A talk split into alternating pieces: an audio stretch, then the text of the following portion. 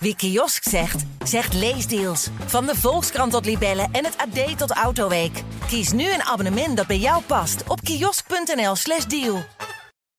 Hi, dit is Ondertussen in de Kosmos, de podcast van de Volkskrant, waarin we alles en iedereen door een wetenschappelijke bril bekijken.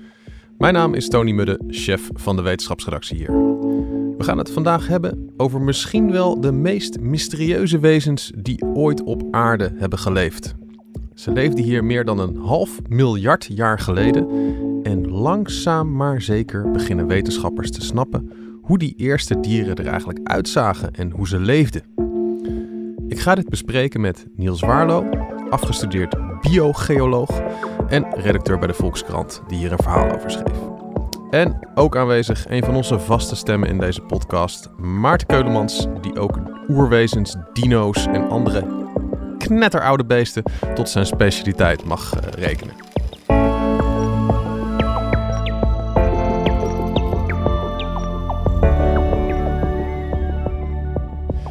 Uh, Niels, om met jou te beginnen. Waarom besloot je dit verhaal te maken? Wat fascineert je zo aan die oerdieren? Ja, wat fascineert daar zo aan? Het, het, um, ik denk dat heel veel uh, luisteraars zullen herkennen dat, um, ja, dat de natuur gewoon maatloos fascineert. Hè. Je kunt nu eindeloos naar natuurdocumentaires kijken. Maar ik vind het dus mhm. een waanzinnig idee dat het eigenlijk maar een soort snapshot in de tijd is. Dat als je een miljoen jaar teruggaat, dat het natuur er totaal anders uitzag. Dat er toen totaal andere dingen fascinerend waren dan nu. Ja. Uh, en als je een miljoen jaar verder gaat, dan zal het er ook weer uh, anders uitzien. En in dit geval ga je dus zo waanzinnig ver terug in de tijd. Dat, mm dat de aarde echt um, nou ja, eigenlijk in bijna niks meer lijkt op, uh, waar het nu op, uh, op lijkt. In elk geval niet qua natuur. Um, ja, dan, dan zie je dus inderdaad echt best wel bizarre uh, dieren tevoorschijn komen. Ja. en ik, ja, toen ik daar iets over voorbij zag komen, dacht ik, ja, daar, daar wil ik induiken. Het is bijna alsof je in een soort alienwereld terechtkomt die dan gewoon hier op aarde was heel lang geleden. Juist, en daar ja. hebben we dan nog wat overblijfselen van, waardoor we een een beeld krijgen van hoe het uh, toen was. Ja. Um, nou ja, daar kun je natuurlijk heerlijk bij, uh, bij wegdromen. Ja, ja, ja, uh, ja. En, en, en, Maarten, jij, jij schrijft ook regelmatig over nieuwe oermensen die worden ontdekt, dino's die wel of geen veren zouden hebben. Wat, wat, wat fascineert jou daar zo aan? Ja, ik denk wel heel erg hetzelfde als Niels. Dat, dat hele vreemde van die, die, die diepe tijd en, en die totaal andere wereld die je dan tegenkomt met name zo die Ediacara-fauna, dat is wel echt een, eh, een, eh, een, een, wereld die, die echt... Ja, weet je wel, dat, dat zijn voor, voor, voor liefhebbers zoals eh, Niels en ik... is dat wel een hele bijzondere tijd. Je liet hier al een term vallen, Ediacara-fauna. ja, dat wat, is, wat is dat? Dit is, dit is, nou ja, 500, wat is het, 580 miljoen jaar uh, geleden ongeveer. Ja. Uh, en en dat, dit was echt een tijd dat er nog helemaal niks op aarde was, zo'n beetje. De, de, de, de land, landmasses waren nog helemaal leeg. Bacteriën leefden er al wel. En dan ja, zie je ineens dit ontstaan. Nou ja, misschien moet Niels het maar vertellen. Ik wil het niet uh, ja, schitterend beschreven. Dus, uh. wat, wat, ja, 580 miljoen jaar geleden, dat zijn die getallen waar bij mij, bij mij gaat duizelen. Uh, kan jij dat eens in perspectief plaatsen? Wat, wat, wanneer was er überhaupt een aardbol? En, en wanneer gingen we rechtop lopen? En wanneer gebeurde dit, zeg maar, met die eerste dieren? Ja, ja nou, laten, laten we eens even heel rustig het, is trouwens wel grappig. Je kunt er een beetje op twee manieren naar kijken. Het is ontzaggelijk lang geleden. Het is onbevattelijk lang geleden. Mhm. Tegelijkertijd, um, als je het vanuit de geschiedenis van de aarde als geheel en zelfs het leven als geheel bekijkt, is het niet eens zo gek lang geleden. Mhm. Um, maar als we het even vanuit onszelf uh, bekijken, um, uh, nou ja, als je de, de, eerste moderne mensen had je ongeveer 300.000 jaar geleden, om en nabij. Ja. Uh, ja, dat is al eigenlijk al niet meer te bevatten, zo Ja. lang geleden. Ehm, maar ja, dan ben je natuurlijk nog helemaal nergens. Eh, Als je, mensen kennen misschien Lucy wel. Dat is een beetje die soort aap-mens hybride die ooit leefde. Nou, dan zit je op 3 miljoen jaar. Dan ben je dus ook nog helemaal nergens. Ehm, Ja. De dinosaurussen, eh, die stierven uit door die eh, catastrofale meteorietinslag. Nou, dan zit je pas op 66 miljoen jaar geleden. Ja, daar, Eh, daar begint ongeveer mijn wereldbeeld. Zo van Ja. dino's, Ja. dino's, grote inslag en dan begint het. Dan zitten we nu op 66 miljoen jaar geleden, maar we gaan nu terug naar meer dan 500 miljoen jaar. Ja, dus we gaan terug naar inderdaad. eh, die, die dieren waar we het, of die, die gekke wezens waar we het over gaan hebben, die leefden ongeveer tussen de 570 en de 540 miljoen jaar geleden. Dus dat meer dan een half miljard jaar geleden waren nog geen planten op het land uh, te, te, bekennen. Uh, nou ja, dit is dus allemaal ver voordat je uh, zoiets had als reptielen of dinosaurussen of zoogdieren. Mm -hmm. maar aan de andere kant, als je dus bedenkt dat de aarde al 4,5 miljard jaar oud is, dat ja. we nu schatten. er wordt gedacht dat de eerste eencellige, dat die ergens misschien tussen de 4, uh, 4 en 3,5 miljard jaar geleden ja. leefde. Ja. Dus je hebt eigenlijk vooral op aarde uh, eencellige gehad. Eigenlijk bijna altijd eencellige, uh, eencellig leven is er geweest. Ja. en dan krijg je ergens in het laatste stuk krijg je iets wat op dieren begint te lijken. Um, en daar wil Maarten op inhaken, geloof ik. Ja, nou, ja. Het, het, grappige is, ik, uh, ik, ik, ik vind altijd die vergelijking leuk van als je nou de hele geschiedenis tot nu toe, vanaf het begin van de, uh, het ontstaan van de aarde tot nu toe, in een, uh, in een etmaal stopt. Dan moet ja. je echt denken dat die eencelligen die ontstonden eigenlijk al vrij snel nadat gewoon de, de aardkorst was gestold. En dan krijg je gewoon de hele dag door, krijg je gewoon alleen maar bacteriën. in het begin van de avond zijn er alleen nog maar bacteriën. En die Ediacara fauna, ik moet het goed zeggen, die ja. ontstond ongeveer om half negen s'avonds. En ja, de mens is echt pas een paar seconden voor, uh, voor middernacht uh, ten tonele verschenen. Dus dat, dat geeft het een beetje, een beetje gevoel. Ja, precies. Dus, de, dus de, het is echt, echt, eigenlijk is het inderdaad, precies wat Niels zegt, nog helemaal niet zo heel lang geleden. Het is gewoon in de avond zijn die uh, Ediacara fauna uh, is die ontstaan. Als je zeg maar de hele tijd van de, de aardbol zou zien als, als, als 24 uur. Ja, precies. Ja, precies. Ja, ik vind het nog steeds pittig lang geleden. In, het is nog steeds pittig lang geleden, maar inderdaad, als je het in perspectief van hoe oud de aarde al is, dan, uh, dan valt, het wel weer, valt het wel weer mee. En uh, ja, Niels, die, die eerste dieren, hoe zagen die eruit? Hingen, die hingen dus blijkbaar niet met, uh, met hun staart aan een boom. Nee, want er waren nog geen bomen. Nee, oké. Okay. Nee, die lagen en kropen rond um, en stonden op de zeebodem. Mm -hmm. En ja, je hebt een aantal bekende soorten. Uh, heel veel zagen eruit als een soort blobs, een soort, soort flatsen, een soort kussens die daar uh, lagen of, of, een beetje rondkropen. Uh, en ze aten waarschijnlijk uh, bacteriematten die daar op de grond, op de bodem groeiden. Ja. Um, er stonden een soort, ja, lijken meer op een soort grote veren, een soort varens, die stilstonden in de bodem. Ja. waarschijnlijk, die, die haalden of, of, stukjes voedsel uit, die ronddwarrelden in het water, of die uh, haalde misschien wel. Um, maar het was wel een dier al. Ja, ja, nou ja, daar is dus een heel lang discussie over geweest. Mm -hmm. of, of we nou inderdaad naar dieren zaten te kijken. Mm -hmm. Want ze zijn niet. Ze zijn zo vreemd dat wetenschappers niet kunnen zeggen: Oh ja, dat is gewoon een oude, een oud koraal of een oude mossel of, of weet ik veel wat. Mm -hmm. Ze zijn um, te vreemd om uh, um, zo'n link te leggen. Ja. Uh, de laatste jaren zijn, ze echt, zijn wetenschappers er wel echt tot de conclusie gekomen: nee, dat, heel veel van die uh, dingen moeten echt dieren geweest zijn. Ja. Um, en waaronder inderdaad die gekke veren. Ja. Die hebben echt een bouwplan uh, dat, dat alleen maar um, terug te voeren is op een, een dierlijk bouwplan. Ja. Uh, je hebt een van de bekendere zeeflatsen, uh, Dickinsonia heet de die. zeeflatsen, ja, mooi, is, woord. Ja. Ja, ja, konden wel echt meer dan een meter groot worden. Echt een soort platte homp met ja, ja, ribbels. En, en die lag dan op de bodem. En, en waarschijnlijk kon die ook een klein beetje bewegen. En die ging dan bacteriën eten? Bijvoorbeeld, ja. Ja. Dus, uh... het, was ook, het was ook heel vredig waarschijnlijk. Want er zijn voor het grootste gedeelte van die tijd dus geen sporen van uh, roofdieren. Oké. Okay. Dus ja, men lag daar een beetje te knabbelen op uh, algen en bacteriën. Wat, uh, wat, een, de... wat, een, vrolijke, vriendelijke ja. zeeflatsenwereld. Maarten, heb jij nog een fa favoriet uit die ja, tijd? Nou ja, daar, daarbij moet je trouwens uh, voorstellen dat dit, het was echt een tweedimensionale wereld. Hè. Ze lagen, alles was plat. En het, het grappige is dat deze, deze wezens, die hadden geen ogen, geen neuzen, geen monden. Nee. Ze hadden geen darmkanaal. Ze hadden eigenlijk helemaal niks. Mm -hmm. het, het, zijn echt, echt ja, het is een soort grote vingerafdrukken die plat op de zeebodem uh, liggen, zijn de meeste. Ja. En uh, met wel, wel inderdaad die, die ribbels. En, en eten, ja, het was ook niet, ze hadden geen mond waarmee ze gingen, zaten te eten of zo. Waarschijnlijk absorbeerden ze voedingsstoffen door gewoon ja, via hun uh, huid het uh, naar, naar binnen te, te nemen.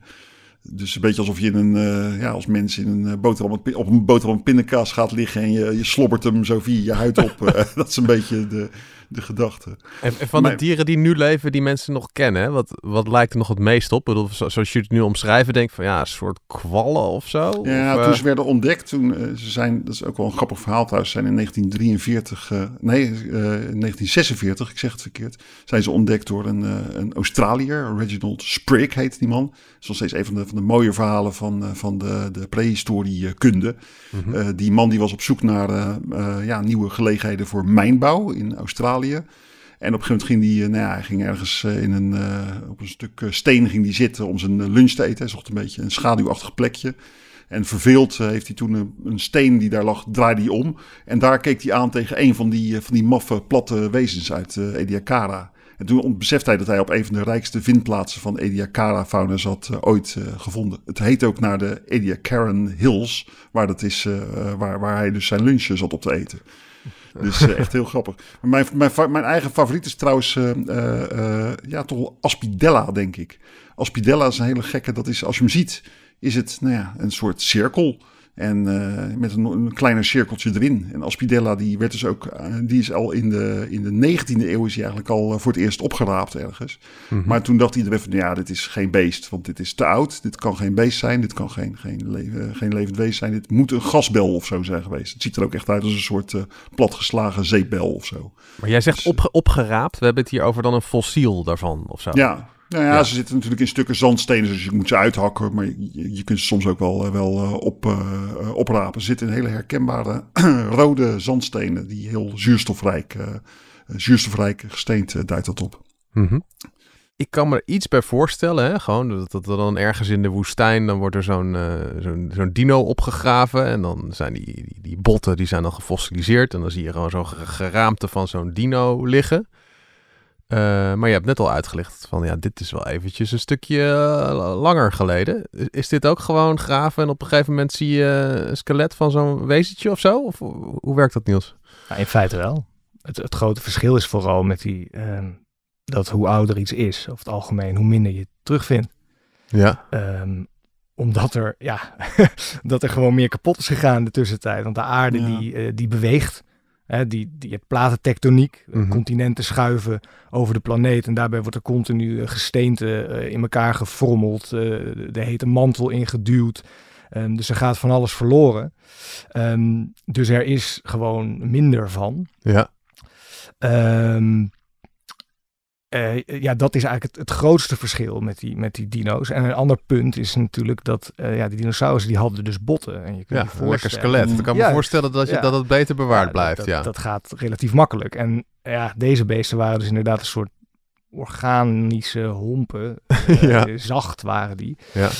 Um, dus er zijn ook nogal veel vragen over van hoe kan het nou dat dat allemaal zo mooi bewaard is? Mm -hmm. een van de ideeën is dat ze gewoon, omdat ze niet konden bewegen, dat ze gewoon zo netjes werden inge, uh, ingepakt door, door zand, uh, dat, dat, dat dat keurig bewaard is. Ja. Um, maar daar zijn nog wel veel vragen over. Van waar zitten we nou echt naar te kijken? Zitten, zijn er niet, hadden die zeeflatsen niet nog een soort, um, nou ja, misschien wel een soort aanhangsels die we nou niet meer kunnen terugvinden, omdat dat op de een of andere manier niet bewaard is gebleven. Ja, dat het gewoon vergaan is. Nou ja, ja. Dat, dat, ik, ik noem maar wat nu, hè, maar ja. uh, dat dat vergaan is. Ja, dus daar zijn nog wel veel, veel vragen over. En dat maakt het ook wel redelijk onzeker wat je nou mm. precies uh, ziet. Er zit ook nog wel een soort uh, diep raadsel achter. want kijk, weet je, waarom het zo ontzettend belangrijk is, die Ediacara-fauna. Je moet je voorstellen, Darwin had zijn evolutieleer opgesteld, zo ergens eind 19e eeuw. En Darwin heeft altijd gezegd van ja, wacht even, dieren stammen van elkaar af. En die gaan, weet je wel, die gaan in een soort hele geleidelijke reeks.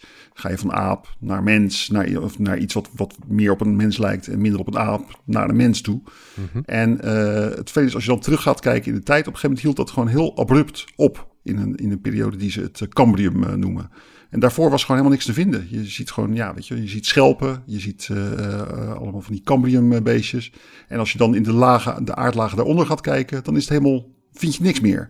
Dus ja. het was voor Darwin was dat een, echt een enorm probleem. Van ja, wacht eventjes, als mijn theorie uh, klopt, dan moet daarvoor ook iets zijn geweest. Ja, iets wat vooraf ging aan, aan schelpen en schaaldieren. Ja. En, en daarom was die ontdekking van Ediacara-fauna was zo'n enorm uh, belangrijk moment in de, in, de, in de geschiedenis van de paleontologie. Omdat dat eigenlijk voor het eerst was dat men zich ging beseffen van wacht eventjes. Ja, uh, wat je eigenlijk ziet is gewoon heel kunstmatig. Je ziet eigenlijk die fossielen pas vanaf het moment dat inderdaad fossiele schalen, schalen gingen vormen. En mineralen gingen gebruiken om harde onderdelen te maken. En daarvoor was er wel degelijk ook leven. Maar was dat gewoon, ja, dat was inderdaad uh, helemaal vergankelijk en, en kwalachtige, gladde wezens die, die gewoon vergingen. Dus daarom is die Ediacara-fauna... En het heeft wel het voordeel dat die Ediacara-fauna zit in een aardlaag... die eigenlijk vrij goed herkenbaar is voor de echte kenners. Uh, namelijk uh, in een, nou ja, dat, dat rode gesteente. En dat wordt dan gevolgd door een laag van heel zwart gesteente. Waarschijnlijk omdat daarna gewoon een periode kwam met heel zuurstofarme oceanen. En mhm. dat is voor, uh, voor ja, geologen die kunnen die lagen heel goed herkennen. Dus dat is wel het voordeel dat die Ediacara fauna dan heeft. Maar ze worden, wordt ook wel gevonden in Engeland. Hè. Is er, die, die veer, waar we het al even over hadden, die rechtopstaande veer... Die, uh, die is gevonden in, ja, die ook Charnia heet die, naar de Charnwood Forests, waar die is, voor het eerst is gevonden. Dus, dus je kunt ze overal vinden. En als je ze in Engeland kan vinden, kan je ze ook in, in Nederland vinden? Als ik hier mijn spade in de grond zet en ik ga gewoon maar diep genoeg graven, dan op een gegeven moment kom ik die, die, die, die, die zeeflatsen tegen van, van 500 miljoen jaar geleden? Ik, nee. Nee? Nou, maar ik, ik, kan echt heel goed graven. Dan moet je ex... Nee, ik denk het niet. Maar misschien dat er heel, heel, heel, heel, heel, heel diep... nog diep onder het Groningse gasveld... Uh, ergens wat te vinden zou zijn. Maar goed, dat, uh, dat, dat weten um, de kenners van de... Uh, die de Nederlandse bodem helemaal in kaart gebracht hebben... weten dat waarschijnlijk wel. Maar je kunt in elk geval niet, niet... niet in Limburg... kun je niet dat je zit te lunchen ergens... en dan denkt, hé, hey, wat ligt daar? Um, een... nou ja, zo'n zeeflat. Oké. Okay. Uh, een mosasaurus kan wel, maar dat is een ander verhaal. Jammer. Wat is een mosasaurus? nee, dan zitten we alweer in de dino-tijd. Oké, okay, Dat is een zeereptiel. Oké, die, die, die, hadden we wel. Ja, die hadden we wel. Oké, de nou, dan, dan, dan, dan, graaf ik niet verder dan de mosasaurus. Ja. En uh, ja, eh, Niels, in jouw verhaal in de Volkskrant schrijf je ook van... ja, er is subtiel iets aan het veranderen hoe we over deze oerwezens denken. Wat is dat? Nou, Maarten haalde net al die, uh, die beesten uit het Cambrium aan. Mm -hmm. En dat um, is nog steeds wel een beetje gek. Je hebt uh, uh, eigenlijk, dus miljoenen jaren lang weten we nu, nou ja, die, die zeeblobs. Ja. En die leken niet echt te veranderen. En dan in één keer, poet, patsboom, krijg je iets dat heet de Cambrische explosie. En dan heb je, dan kunnen uh, wetenschappers ineens wel herkennen van, oh ja, dat, dat is een soort worm en dat is een soort ja. geleedpotige, een soort voorouder van de schorpioenen en dergelijke. Mm -hmm. um, uh, en de vraag is nu erg, wat is daar nou gebeurd? Waarom ging ineens dat leven zo enorm, waarom werd het ineens zo enorm veelzijdig? Ja. En welke rol spelen die, die Ediacaraanse beesten daar nou bij? Mm -hmm. um, en heel lang werd een beetje gedacht van, nou ja, je had dus eerst gewoon die, die flatsen en die lagen daar. En die, die werden ineens vervangen door iets anders, door de echte dieren. Ja. En het begint er steeds meer op te lijken dat er eigenlijk toch ook al wel nodig aan het verschuiven was uh, binnen die periode uh, uh, van de blobs. Ja. aan het begin, dus bijvoorbeeld er is recentelijk een onderzoek uitgekomen, en dat is ook de aanleiding voor mij om, te, om daarover te gaan schrijven. Die gingen is uh, enorme aantal, tienduizenden van die fossielen analyseren. En dan niet gewoon zelf die fossielen heel goed bekijken, maar ehm, kijken welke fossielen vind je nou bij elkaar. En ja. op die manier hebben ze dus geprobeerd om te, om te kijken, zie, kun je dan bijvoorbeeld zien dat bepaalde soorten alleen maar met elkaar, of bijna alleen maar met elkaar voorkomen, of juist nooit met elkaar worden gevonden. Ja. Uh, en of ze uh, uh, bijvoorbeeld in verschillende omgevingen wel of niet voorkomen. Want en, en wat, nou, wat je dan ziet is dat er in het hele begin van die periode kon het die, die flatsen allemaal niet zoveel schelen bij wie ze in de buurt lagen. En op wat voor bodem ze lagen. Ze waren helemaal niet gespecialiseerd. Um, ja, dat was eigenlijk heel primitief. En je ziet dus dat door de tijd heen dat dat dat er toch steeds meer specialisatie lijkt te ontstaan. Dat ze steeds meer voorkeur krijgen voor bepaalde waterdieptes en bepaalde bodems. En dat er ook iets van concurrentie lijkt te ontstaan. Dat ze elkaar beginnen weg te, te concurreren. Ja. En dat duidt erop dat die, die Cambriese explosie misschien toch niet zo gek explosief was. Dat er al een soort lange aanloop was.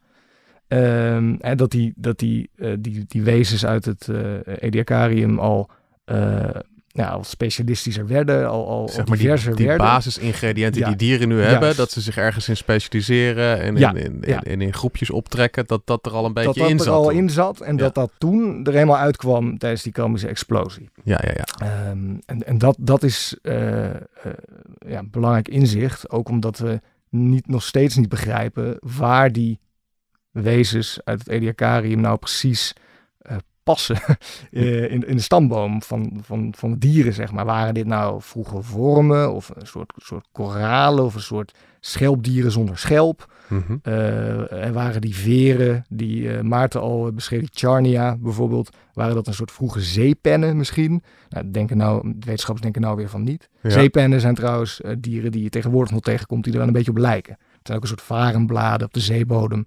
Ehm, maar dat zijn gewoon dieren. ja, precies. Ja. Ehm, eh, en, en dat, dat onderzoek, eh, nou, ja, we komen er eigenlijk gewoon steeds meer achter dat die, dat die beesten toch een stukje complexer waren. Ja. Eh, ook zelf. Je hebt een, een, een, een oud diertje die heet Kimberella. Mhm. Eh, dat is een van de meest. Die naam. ja, Kimberella. Ja, Cinderella, Kimberella. ja, ja.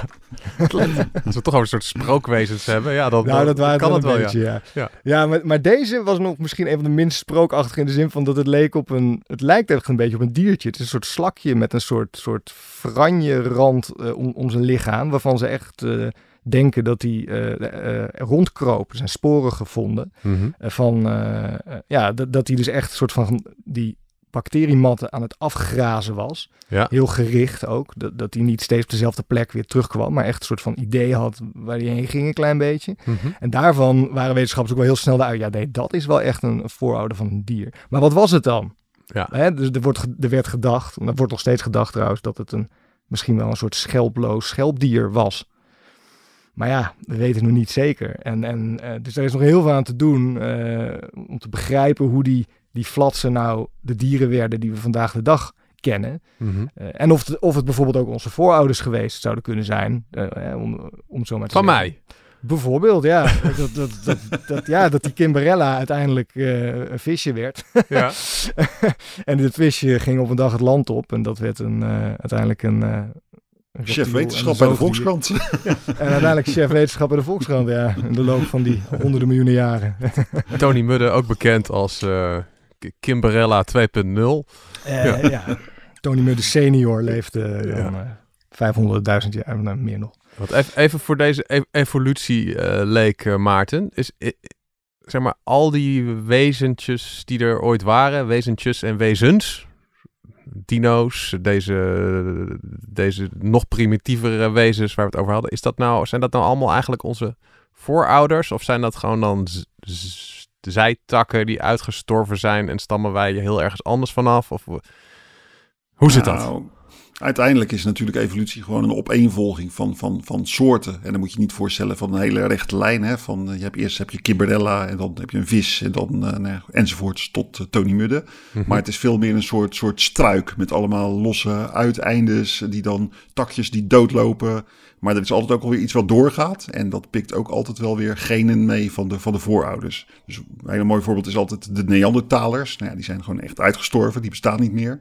Mhm. Tegelijkertijd hebben wij nog steeds in ons eh, DNA hebben wij nog iets van gemiddeld 2,5% van ons DNA. Dat hebben we gewoon meegepikt van de Neandertalers door de tijd heen. En dieper in het bouwplan, eh, dus gewoon de, de basis waarop, eh, het frame waarop zowel Neandertalers als wij zijn gebouwd. Dat is natuurlijk hetzelfde. Die, die Neandertalers hadden net als wij eh, twee armen en, en twee benen en een hoofd en zaten gewoon hetzelfde in elkaar. Ja. Dus, dus zo zit dat ongeveer. Zo moet je dat zien. Dus het is, het is wel een voorouder, maar dan kan het nog steeds wel zijn dat eh, zo'n zo'n eh, Kimberella of zo, dat hij zelf wel is uitgestorven. Maar dat een aantal van zijn, van zijn genen, van zijn bouwplan, dat dat nog voortleeft heel diep in ons. En als je dan de evolutie met alles wat, wat nu leeft en heeft geleefd, als je dat de parallel doortrekt met een struik die jij maakt. Dus zo'n struik heeft vaak, vaak wel dan één plek waar die de, de, de, de bodem in gaat. Dus zeg maar, was er ooit een soort één oerwezen waar het allemaal mee begonnen is of zo? Ja, dat, dat heet dan de, de, ja, de Last Universal Common Ancestor, eh, Luca. Ja. en, en ja, weet je, dat is, dat is, dan ga je gewoon terug naar de wereld van de bacteriën en de eencelligen. En als je dan nog verder teruggaat, dan wordt het echt ingewikkeld. Want dat is nog wel een van de hele grote openstaande vragen. Hoe is nou eigenlijk ooit het leven begonnen? Waar, hoe zijn die allereerste bacteriën tot stand gekomen? En dat is, daar zijn heel veel theorieën over. Maar dat, uh, daar gaan we nog eens een keer een andere podcast over hebben. Oké. Daar, kunnen we uren over door ja. kletsen, Niels en ik. wat, wat zijn nog meer uh, grote openstaande vragen, Niels? Um, nou, ik, het zou mooi zijn als er nog uh, misschien een paar andere fossielen uit die tijd worden gevonden. Mm -hmm. um, we weten niet of dat gaat gebeuren, maar uh, dat geldt natuurlijk altijd. Je, weet niet zo goed wat je niet weet. Ja. uh, wie weet wat daar nog allemaal rondkroop. Misschien eh, zwom er al wel een keer wat. Nou ja, dat, dat is een grote vraag. Van wanneer begonnen dieren nou te zwemmen? Ja. Um, was dat inderdaad ook echt meer iets van die Cambische explosie? Uh, was dat daar al, uh, al ver voor aan de hand? Want het is precies zoals Maarten het zegt.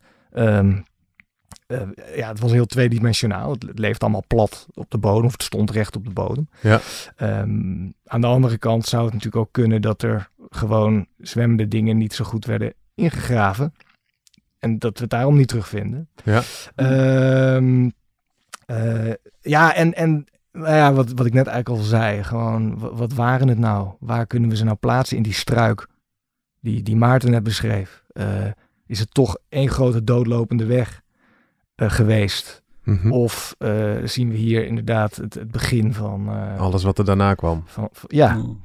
Ja. ja. En, en, en waar ik ook al benieuwd naar ben, Niels, heb jij het idee dat, dit, dat die nieuwe onderzoeken, hè, ik heb ze niet gelezen, jij wel, uh, werpt dat nou ook licht op die hele grote vraag hoe het Ediacara is, is afgelopen? Want je zat, het altijd waren ja. eigenlijk twee theorieën. De ene theorie was van, oké, okay, er is iets in het milieu gebeurd waardoor die beesten gewoon niet meer konden overleven. En de andere theorie is dat ze gewoon, ja, ze lagen een beetje op de, op de bodem en ze werden opgegeten door, uh, door, ja, door de eerste roofachtige slakken of flatsen of wat het ook waren. ik weet niet of, of, of je daar iets uh, meer van weet nu. Nou, dat is ook een van die grote vragen. Maar um, wat wel zo is, is dat er lijkt een...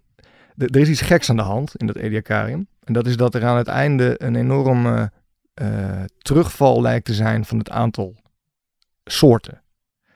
Um, en de vraag is of dat een milieuramp was. Dat, dat, dat dacht men. Maar uit dat nieuwe onderzoek blijkt dus dat er sprake is van wat ik net beschreef, dat, er, dat, dat die dieren zich begonnen te specialiseren en dat ze elkaar gingen wegconcurreren. En dus die nieuwe lijn van onderzoek die duidt meer daarop. Dat er helemaal niet sprake was van een milieuramp, maar dat er sprake was van uh, inderdaad concurrentie, uh, onderling specialisatie. En uiteindelijk, uh, toen dus die nieuwe, die echte nieuwe soorten begonnen te, te ontstaan in dat Cambrium, ja, toen legde die blobs het af. Daar lijkt het wel heel erg op. Ja. En daar zijn nog vragen over. Waar, eh, het zou ook nog kunnen dat ze nog wel heel lang hebben bestaan, maar dat ze gewoon niet bewaard werden gebleven. Of niet bewaard bleven. Ja, maar dat geldt voor al het onderzoek naar fossielen, dat je dat nooit helemaal zeker weet. Maar daar lijken ze het wel gewoon af te leggen tegen al die, die nieuwe innovaties, uh, zoals ogen en uh, scherpe tanden en kalkskeletten. Ja. Um, ja, want, want jij schreef ook dat er een, uh, ook een fossielen waren gevonden met, met een soort gaatjes erin. Ja, ja, ja, ja, ja, aan het einde van de rit uh, begint de, ja, het einde van de vrede zich wel af te tekenen. Dus helemaal aan het einde van het Ediacarium zie je inderdaad de, de eerste innovaties uh, die we heel erg met, dat, met die campusexplosie associëren. Dus dan zie je inderdaad want, want... dat er, er zijn gaatjes gevonden in, ehm, in een soort soort, soort kleine vormpjes moeten dat geweest zijn met, kalkske met kalkskeletjes, soort stapel schoteltjes lijkt het een beetje op. En daar mm-hmm. zitten allemaal uh, soort regelmatige puntjes, gaatjes in. En dat interpreteren wetenschappers inderdaad als uh, uh, ja, gedrag van roofdieren. van hier, dat, hier zet, heeft iemand zijn tanden in Ja, en dat is dus ja, ook ja. een van de, een van de hypotheses over waarom daarna die, die bezig als een gek begon te evolueren tot, tot hè, in die campusexplosie, dat is dat er een soort wapenwetloop begon. Ja. Dat er eenmaal, toen er eenmaal roofdieren waren, ja, toen, toen was het hek van de dam. Toen moest, uh, nou ja, alles wat leefde moest zich, moest zich enorm gaan aanpassen of ging dood. Ja. Zoals we daarna natuurlijk altijd hebben gehad. Ja. um, altijd, altijd, weer die kutteroofdieren. ja, het is, het is ja. Um, nou ja, die hebben dus wel dan heel veel mooie vormen veroorzaakt mogelijk. Er zijn ook ja, andere hypotheses over wat er gebeurd is. Hoor. Het, het, zou, het is ook nog een idee dat er misschien dat het te maken heeft met zuurstof. Hè, dat, er, dat er nog niet genoeg zuurstof was voor al die complexe dieren die je daarna kreeg. Ehm, nou, er is ook een idee dat er gewoon nou, de uitvinding van het graven heel belangrijk uh, werd. Dat dat zoveel nieuwe mogelijkheden uh, bracht. Dat er daar ook allerlei nieuwe dingen ontstonden. Dus er zijn heel veel ideeën over. Uh, en daar gaan we voorlopig ook uh, nog geen antwoorden, geen hele harde antwoorden op krijgen. Maar ja, wetenschappers komen gewoon steeds meer te weten met nieuwe technieken. ja, inderdaad, de vondst van nieuwe fossielen. Um, heel veel van die dieren die van zo lang geleden moeten toch ook nog gewoon echt scherper onder de loep worden genomen. Um, vertelde een van de wetenschappers die ik sprak mij, van er is gewoon nog heel veel te doen met echt het minutieus bestuderen van, van die fossielen. En van al die ribbeltjes en wat, daar nou precies, wat dat nou precies allemaal voorstelt. Ja, um, het lijkt me een pittige klus als het uh, een half miljard jaar oud is. Het is ontzettend ja, klus, ja. En, en, ze zijn vaak, en ze zijn vaak ook heel erg klein, hè? zeker ook die, die, die Cambrische fossieltjes. Nou ja, ja. Een van mijn lievelingen is uh, Microdiction zoals hij heet. Dat is een soort worm op pootjes die over de zeebodem uh, liep. Ja. Met uh, ja, echt belachelijk beest. Twintig pootjes. Hij had ook twintig soort, ja, soort schildjes op zijn zijkant. Een beetje zoals zo'n viking uh, drakenboot. Waar die, die schilden aan de zijkant hingen. ja. En ja, die, die liep dan nou ja, zo'n beetje op de grens van het Ediacara en het Cambrium liep hij over de zeebodem heen weer te struinen. Maar als je die beesten ziet in, in fossiele vorm, het zijn hele kleine priegelig kleine dingetjes. Nou ja, je moet ze maar tegenkomen als je ergens in het veld uh, in, in gesteente ziet liggen. Maar echt zo, zo, zo, zo, zo klein als een, als, een, als een pink, zeg maar? Of, of ja, veel, veel nagel, kleiner? Nagel, nagel van je pink zo'n beetje, dat, dat soort formaat. Ja, ja. Nee, Zo, dat, sowieso trouwens. dan moet je wel goed kijken, inderdaad. Ja. Dat, die Cambrische explosie inderdaad, als je het over gekke wezens hebt. Want ik zeg wel, dan begin je dieren te zien die wij herkennen als dieren. Dat is wel zo. Mhm. Maar daar zitten ook echt hele gekke dingen bij. En je hebt er eentje die heet uh, Anomalocaris.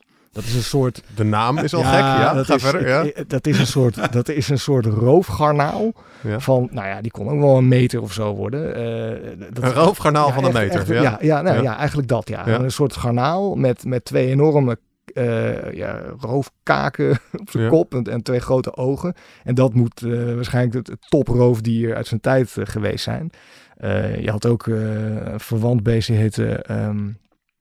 eh, ja, dan ben ik de naam ook... Opa... Opa, ja. Ja, hij is oud. Wacht, ik zoek hem even op. Ja, Ja, Ga jij hij hem is- opzoeken? Dan ga ik intussen vertellen. Want eh, rare namen hadden ze inderdaad in overvloed. De hele Oh, ja. bekende is ook de hallucigenia. Echt geweldig. De naam zegt het al. Dat was ook een beest waarvan ze echt eerst... Het was ook, ook zo'n lopende worm was het. Maar die had nog als onhebbelijkheid dat hij... Behalve poten aan de onderkant... had hij ook soort, soort wapperende uitsteeksels aan de bovenkant. En daardoor wisten ze gewoon... Aanvankelijk wisten paleontologen niet goed wat onder en boven is. Ze hebben heel lang hebben ze hem ondersteboven eh gedacht... Dat, die, eh, nou, dat wat dus echt de onderkant is... dat dat de bovenkant was. Ja, Dat is echt een soort eh, paleontologie als abstracte kunst. Ja, Dan weet je dat- ook nooit eh, wat de boven- en onderkant is Dat van is met- schilderij. Ja. Dat, dat is trouwens met meer van die, want die roofgarnaal die ik net bespreek. Daarvan dachten wetenschappers heel lang dat het drie losse fossiele, drie losse dieren waren die bij elkaar lagen. ja. Maar op een gegeven moment viel het op dat ze wel heel vaak op dezelfde manier bij elkaar lagen. En toen dachten ze, oh nee, wacht, het is toch echt één beest. Oh, Ehm, ja, nee, dat dier dat ik net bedoelde was Opa Binia. Opa Binia. Ja, die lijkt op de roofgarnaal, maar die heeft een soort slurfje aan, één slurfje aan zijn kop en vijf ogen. En dat is echt een alien. Vijf ogen. Ja, ja, dat is echt, ja, vijf, ja, vijf van die stokjes Ja. met, met eh, ja, ogen erop. Ja, Ja, dat is echt een alien. Het is ook leuk, hè? Want, want ik bedoel, we zitten er lacherig over te doen. En, en de, de, de serieuze en mooie kant van dit verhaal is ook van... dit was echt een tijd waarin het leven bezig was zich, zich uit te vinden. Waarin Ja. echt, je ziet gewoon die natuur gewoon... Ja, goh, ik kan dit proberen en ik kan dat proberen en zus en zo. En het was nog niet duidelijk wat het beste zou werken. En ja, de evolutie als grote schepper, eh, Ja. eh, die, die zorgde voor al die maffe, idiote vormen. Ja, dat is fascinerend gewoon. Het leven had hier echt iets heel nieuws ontdekt. eh, zo na al die honderden miljoenen jaren van alleen maar eencellig wezen- leven. En het mooie is dat het dus op begint te lijken dat er in het Ediacarium al iets van die van het experimenteren aan de gang was. Dat er toch Ja. ook al wel wat gedaan werd met kalkskeletten. En eh, het is allemaal primitiever, ik geef het direct toe. Ja. Maar eh, nog steeds een fascinerende periode. Met de zeeflatsen en de... Geweld, geweldig verhaal, eh, heren. Dank jullie wel. Dit was Ondertussen in de Kosmos, de podcast van de Volkskrant, waarin we alles en iedereen door een wetenschappelijke bril bekijken. Grote dank aan mijn gasten van vandaag, Niels Waarlo en Maarten Keulemans. de volgende keren in deze podcast gaan we iets bijzonders doen. We hebben namelijk een, in de krant een lezersoproep geplaatst. Waarin wij lezers vroegen van... heb je een vraag waarvan die je heel graag door wetenschappers opgelost zou willen hebben? En het moet een beetje een onmogelijke, ambitieuze vraag zijn. Nou, we hebben meer dan 500 lezers hebben bloedserieuze vragen ingestuurd. Uh, uh, dat varieert van uh, wat gaat er eigenlijk om in een babyhoofd tot hoe loopt het af met de mensheid. En de wetenschapsredactie van de Volkskrant die is op allemaal wetenschappers afgestapt om hen te vragen van Misschien dat je het definitieve antwoord nog niet hebt, maar we zijn wel nieuwsgierig hoe ver jullie zijn met deze vraag. En een aantal van die vragen gaan we ook in deze podcast behandelen. Maar Maarten, welke, op welke heb jij je gestort? Nou, ik dacht, laat ik lekker de makkelijkste doen. Bestaat God? Bestaat God? De, de volgende keer in Ondertussen de Kosmos hoort u het antwoord. uh, mijn naam is Tony Mudde, chef van de wetenschapsredactie van de Volkskrant. Graag tot de volgende keer voor het verlossende antwoord op bestaat God?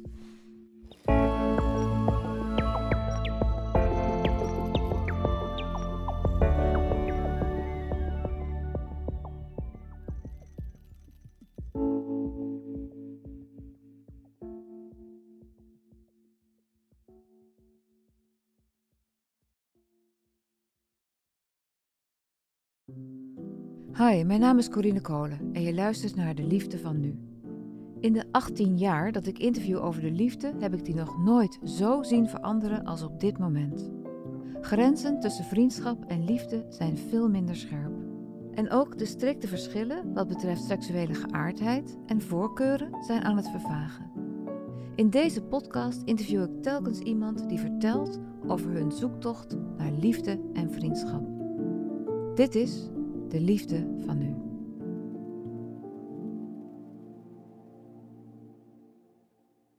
Wie kiosk zegt, zegt leesdeals. Van de Volkskrant tot Libellen en het AD tot Autoweek. Kies nu een abonnement dat bij jou past op kiosk.nl/slash deal.